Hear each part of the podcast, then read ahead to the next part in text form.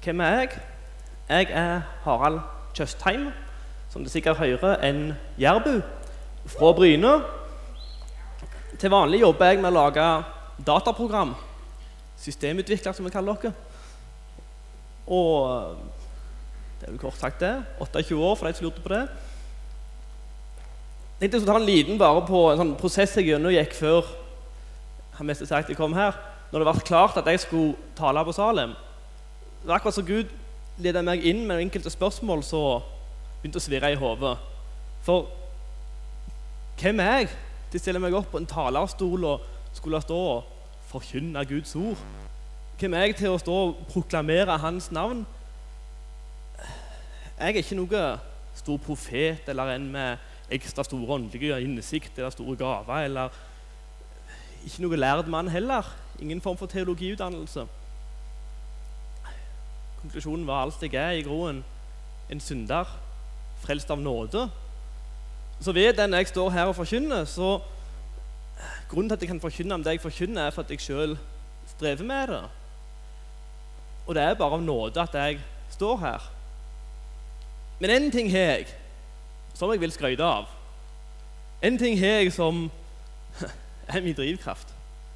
Jeg har en nydelig Gud. En Gud som er verdt å elske og ære, koste hva det koste må. Og Hvis jeg har et mål med å stå her, så er det at dere skal se at Gud er nydelig.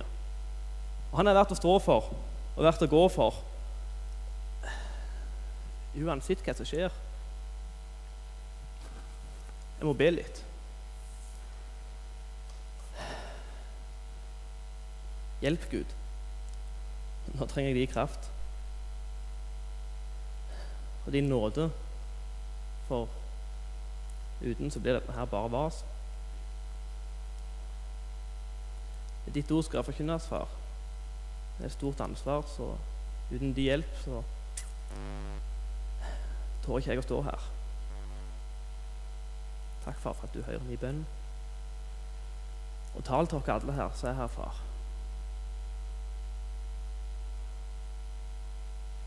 Amen. Jeg du lyst til å ta dere inn i et bibelvers, eller egentlig et kapittel, som jeg har vært ganske fascinert av i House. Akkurat som Gud på en måte brutalt dro meg inn i det. Jeg var midt i Korinterbrevet, og så plutselig så Nei, nå skal du inn til Johannes evangeliet, kapittel 6. Der møter vi en av de største prøvelsene om vi kan kalle det det, som apostlene har vært satt på og en hendelse som i stor grad endra tjenesten til Jesus her på jorda. Før eh, Jesus kom, eller på Jesus' tid, så var det en stor forventning om at det skulle komme en Messias, en frelser, med mange løfter om en som skulle sette dem fri fra fangenskap, og så skulle løsne lenkene, og så skulle gjøre slutt på offer, og de så veldig jordisk på det. De var lagt under romerne. De skulle få en ny konge, ny David, som skulle komme og sette dem fri. Og der var jo I Daniel kapittel 9 så er det profeti som går på at det skal gå 490 år fra Jesus, nei, Israel settes fri fra babylonerne fram til frelseren skal komme. Og det er rundt den tida der Jesus kommer. Så de har en enorm forventning. Og vi leser i apostelgjerninga òg, der står det i kapittel 5 om at det var enkelte som sto fram som store mennesker og liksom skulle starte et opprør, og de fikk med seg x antall folk, og så ble de tatt, og så gikk de ut i sanden. Så det var en stor forventning. Og kapittel 6 i Johannes-evangeliet, der leser vi om brødundere.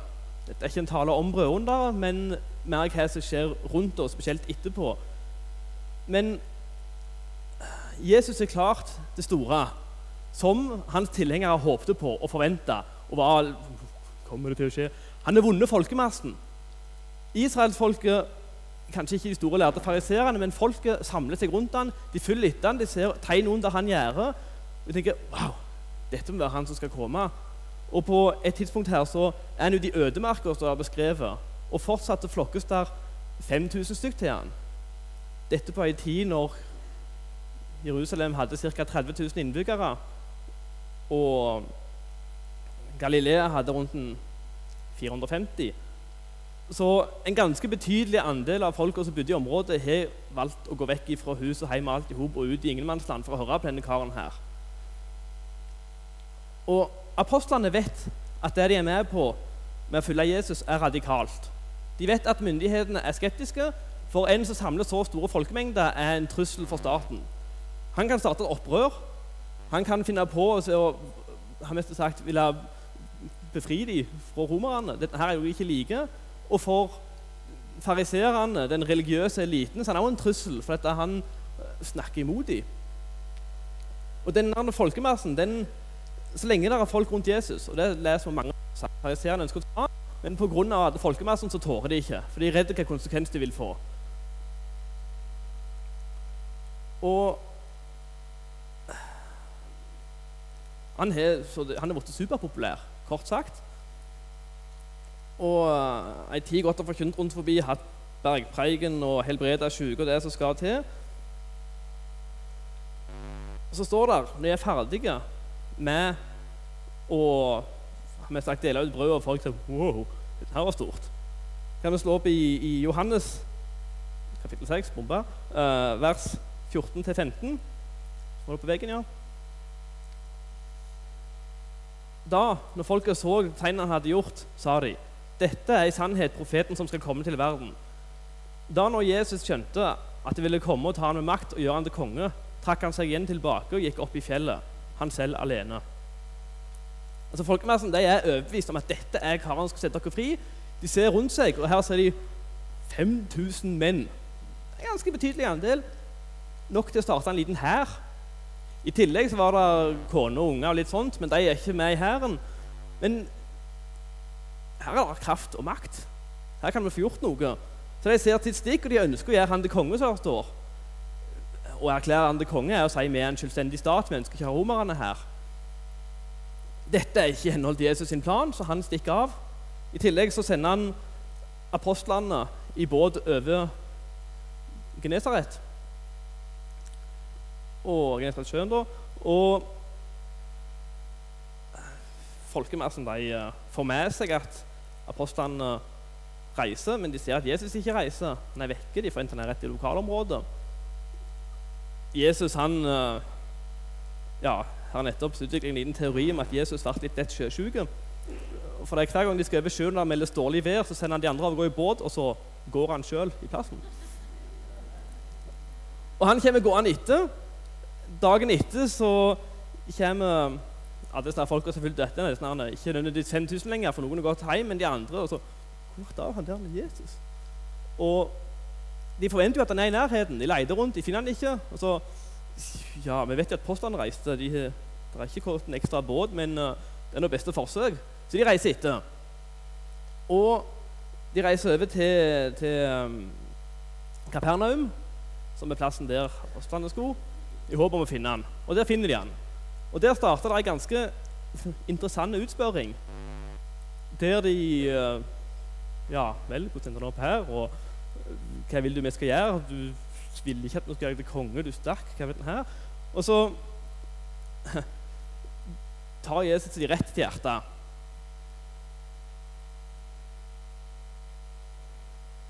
Johannes uh, 6, 25 kan vi ta opp. 6.25. Der kommer han. Uh, ja, det skal jeg ha med 26 her, egentlig, men uh, ja. Så nå kom du hit. Dette var litt uti. Uh, Jesus svarte, 'Sannelig, det sier jeg dere.' Dere leter ikke meg fordi dere har sett tegn, men fordi dere spiste brødene og ble mette. Som han sier, dere fyller ikke til meg fordi jeg er Messias, men fordi jeg dekker deres behov.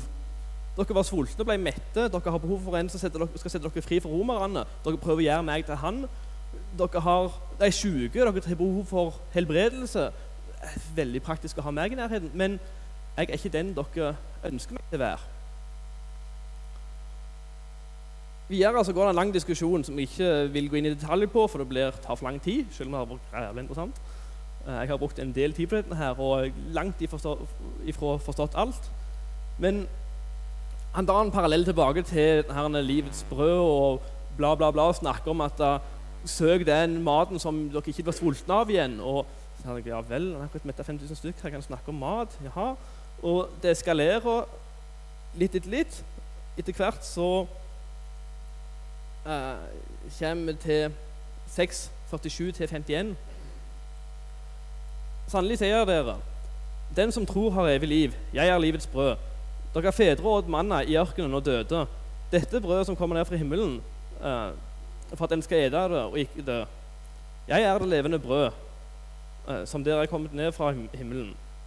Om noen eter dette brødet, skal, han, skal han leve evig. Og det brødet som jeg vil gi, er mitt kjød, som jeg vil gi for, uh, for verdens liv. Og det går videre til 52. Nå ble det strid mellom jødene, og de sa hvordan kan han gi sin kropp å ete?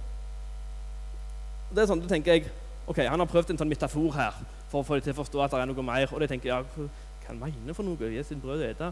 Og da tenker jeg, Hadde det vært meg, så ville jeg gjerne sagt hallo, hallo, hallo. Jeg mente ikke sånn. Jeg mente ikke så, hallo, Du skal ikke ete meg. Det er litt vulgært. Tenk metafor her. Men så fortsetter han i 53-58. Jesus sa det til dem. Sannelig, sannelig, jeg sier det dere. Dersom dere ikke eter menneskesønnens kjøtt og drikker hans blod, har dere ikke liv i dere. Den som eter mitt kjøtt og drikker mitt blod, har evig liv. Og jeg skal oppreise ham på det siste dag.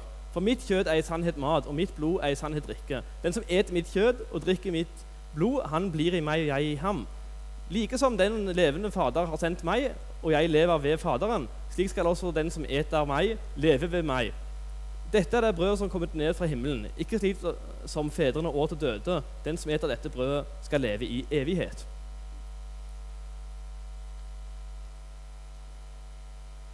Folk er fullt av land og strand og hørt han si ganske mye vis og ganske mye de ikke helt forstår. Men dette er nok til å ta konklusjonen at hallo, han her må du ha rabla for.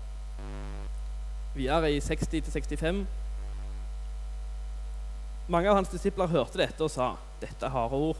Hvem kan høre dem? Men da Jesus eh, visste med seg selv at hans disipler knurret over dette, sa han til dem Tar dere anstøt av dette? Hva så når dere får se menneskesønnen stige opp dit hvor han var før? Det er ånden som gjør levende. Kjøttet gagner ikke til noe.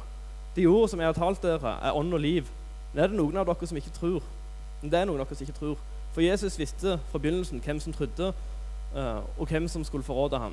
Og han sa til dem, derfor har jeg sagt dere at ingen skal komme inn til meg uten at det er gitt ham av Faderen.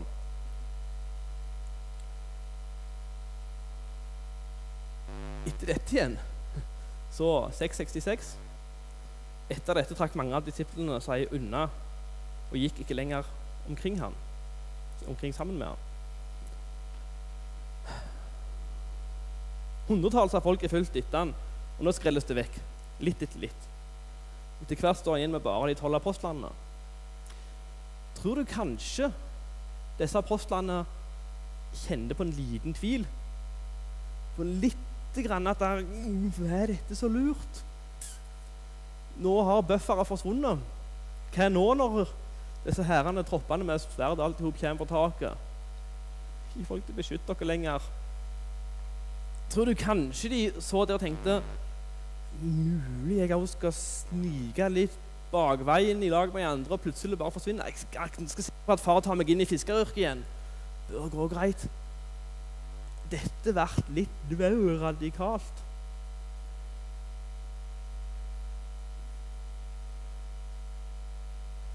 Som vi leser litt senere, i Johannes 7, N, står der Nei, jeg beklager, jeg hoppet litt. Grann. Ja, dette uh, I 6, 67 at Jesus snakker rett i hjertet på dem.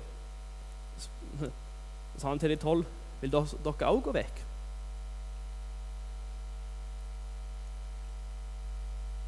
Som om Jesus Er dere sikre på at dere har gjort det rette valget? Er dette dere litt tvilende? Helt sikre på at dere vil følge meg? Videre står det i, i 7.1.: Siden dro Jesus omkring i Galilea. Han ville ikke være i Judea, for jødene sto ham i livet. Altså han, han de har ikke bare latt være å følge etter og så blitt litt skeptiske. Faktisk, Han går konstant med livet i fare.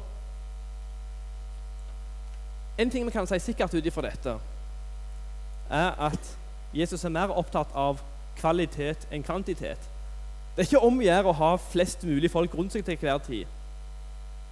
Men de han vil ha rundt seg, det han har på et skikkelig stødig fundament. Så han er villig til å ofre noen hundre stykk for at de tolv stykk som står han nærmest, skal stå.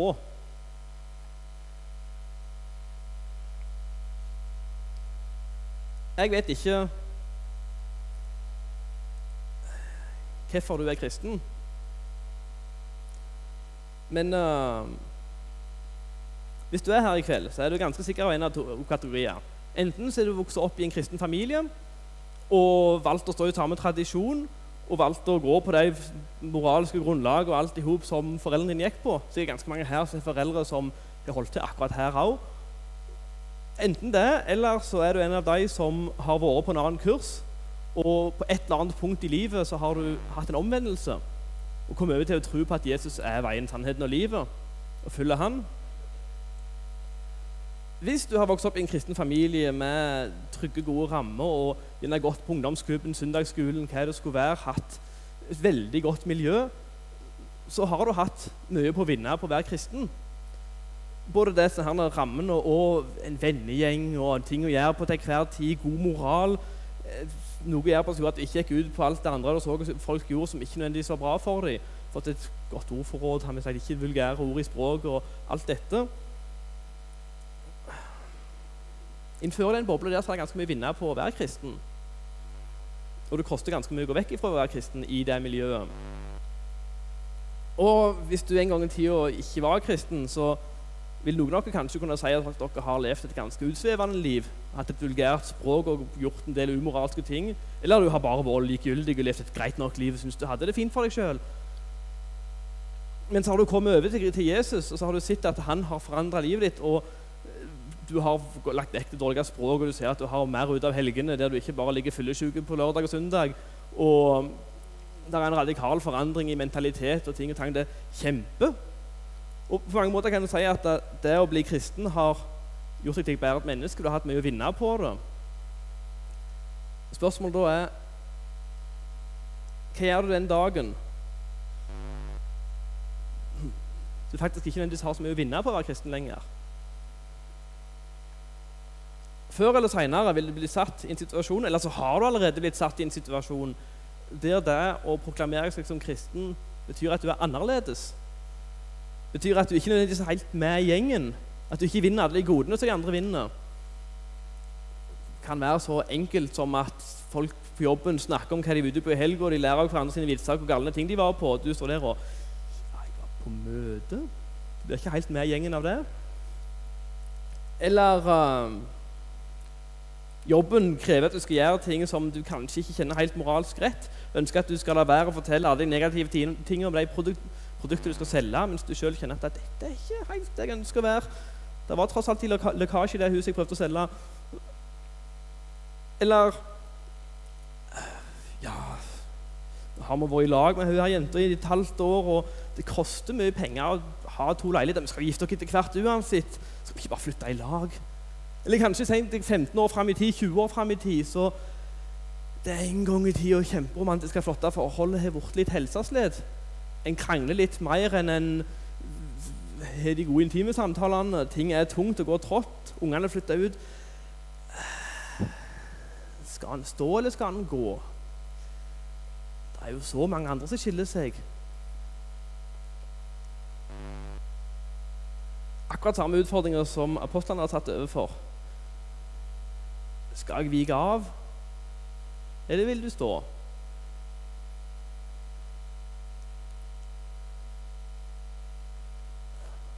Av og til så kjennes det så mye lettere å bare ignorere Guds ord. Det jo så mye nåde å ta av. Fristelsene er til stede hele tida. De kommer ofte sånn her, i overgangsfaser. Når du går som fra videregående til universitetet, der det plutselig er et miljøskifte og du ikke har rammen rundt deg, eller når du kommer inn i arbeidsmarkedet og ser at det var vel mye alkohol på bordet her, ja. Det er veldig mange settinger der en plutselig blir prøvd og der en tyr litt lett til den kamelonen. Der en er veldig kristen, en går på møte, og så er en plutselig ikke så kristen en er ute med folk på jobben. Folk begynner å snakke om uh, kristne er så bla, bla, bla, sånn og sånn og sånn, og så står en ikke opp for Guds ord. En viker litt unna.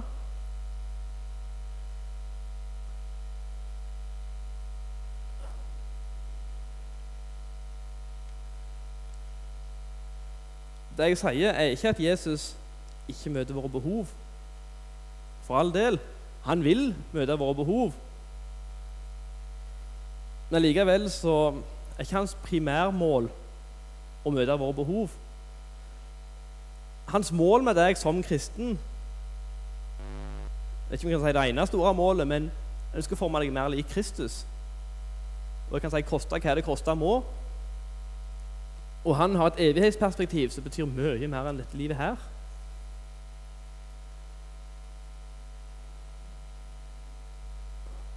Hadde det vært sånn at uh, Jesus var mest opptatt av å ha det bra her og nå, så hadde det ingenting galt i herlighetsteologi. Kom til Jesus, og han vil fylle opp tomheten. Kom til Jesus, og han vil helbrede dine sykdommer. Kom til Jesus, og han vil fylle opp lengsel og gjøre alt velstand og alt som skal til. Han gjør nok det òg. Men er du villig å følge han selv om du ikke nødvendigvis får alt det som hjertet ditt lengter etter? Er du villig å følge han selv når det koster, selv når du kanskje ikke eh, får de rette lønnstrinnene, sitter andre litt framfor deg selv? Koster, Du må holde ut et ekteskap som kanskje i mange år er ganske tungt framfor hun der kjekka så du fikk en grevlig god samtale med at det var ganske fristende på et visst tidspunkt. For det kommer i løpet av ekteskapet andre som du snakker bedre med i perioder.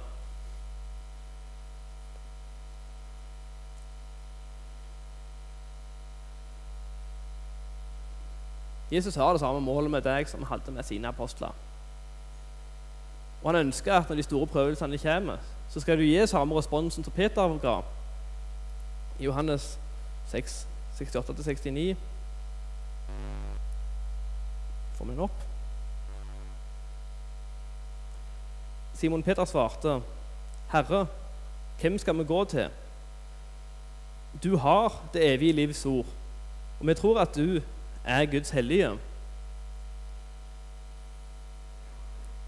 Når det er spørsmålet med skal jeg stå eller skal jeg gå, kommer Hvis du skal gå, hvem skal du gå til? Vil plutselig suksess gi livet verdi? Vil plutselig økonomi, penger å være populær i gjengen, henge med de rette folka, vil det gi livet mening?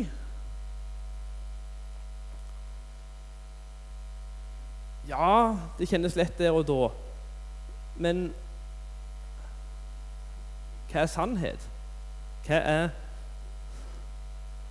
Hva er det som virkelig betyr noe?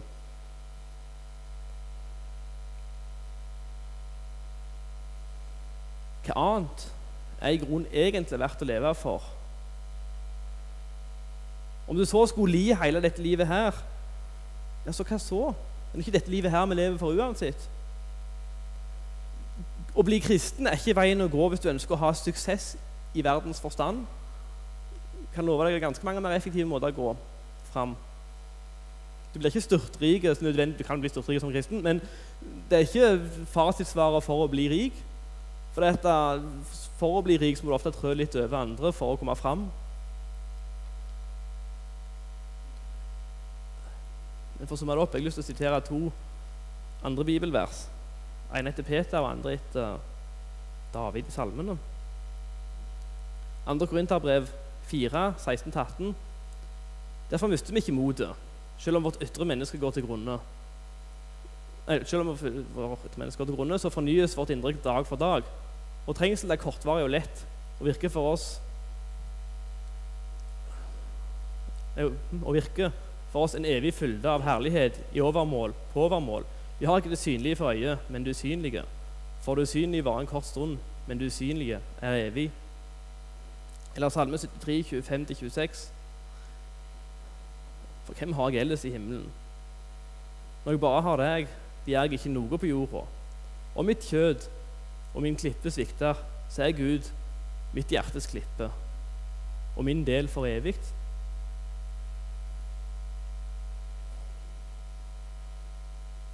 Det er der jeg ønsker vi skal stå. Om alt annet svikter, så er det Gud som er klippa. Om det koster, ja, så er det Gud som er. Det er der en står. Det er det som er det solide og stødige. Det er som plattformen. Jeg vil be. Far, takk for din nåde, og for at du er tålmodig med oss. Og alle de gangene vi eh, viker av og ikke gjør sånn som vi burde gjort, når vi ikke står opp for ditt navn, når vi er feige, så det er alltid ny sjanse for nye nåde. Du bærer over med så altfor mange synder. Men du vil ikke stoppe med det heller. Takk, far. Og led dere, far, gjør dere bevisste når vi står på valgene som så ofte tar bevisst. Så ta fortsatt, far, og minn dere på hva som betyr noe. Reis dere opp som solide, stødige kristne som står på din plattform. Og følger det koste hva det koster nå, far. Amen.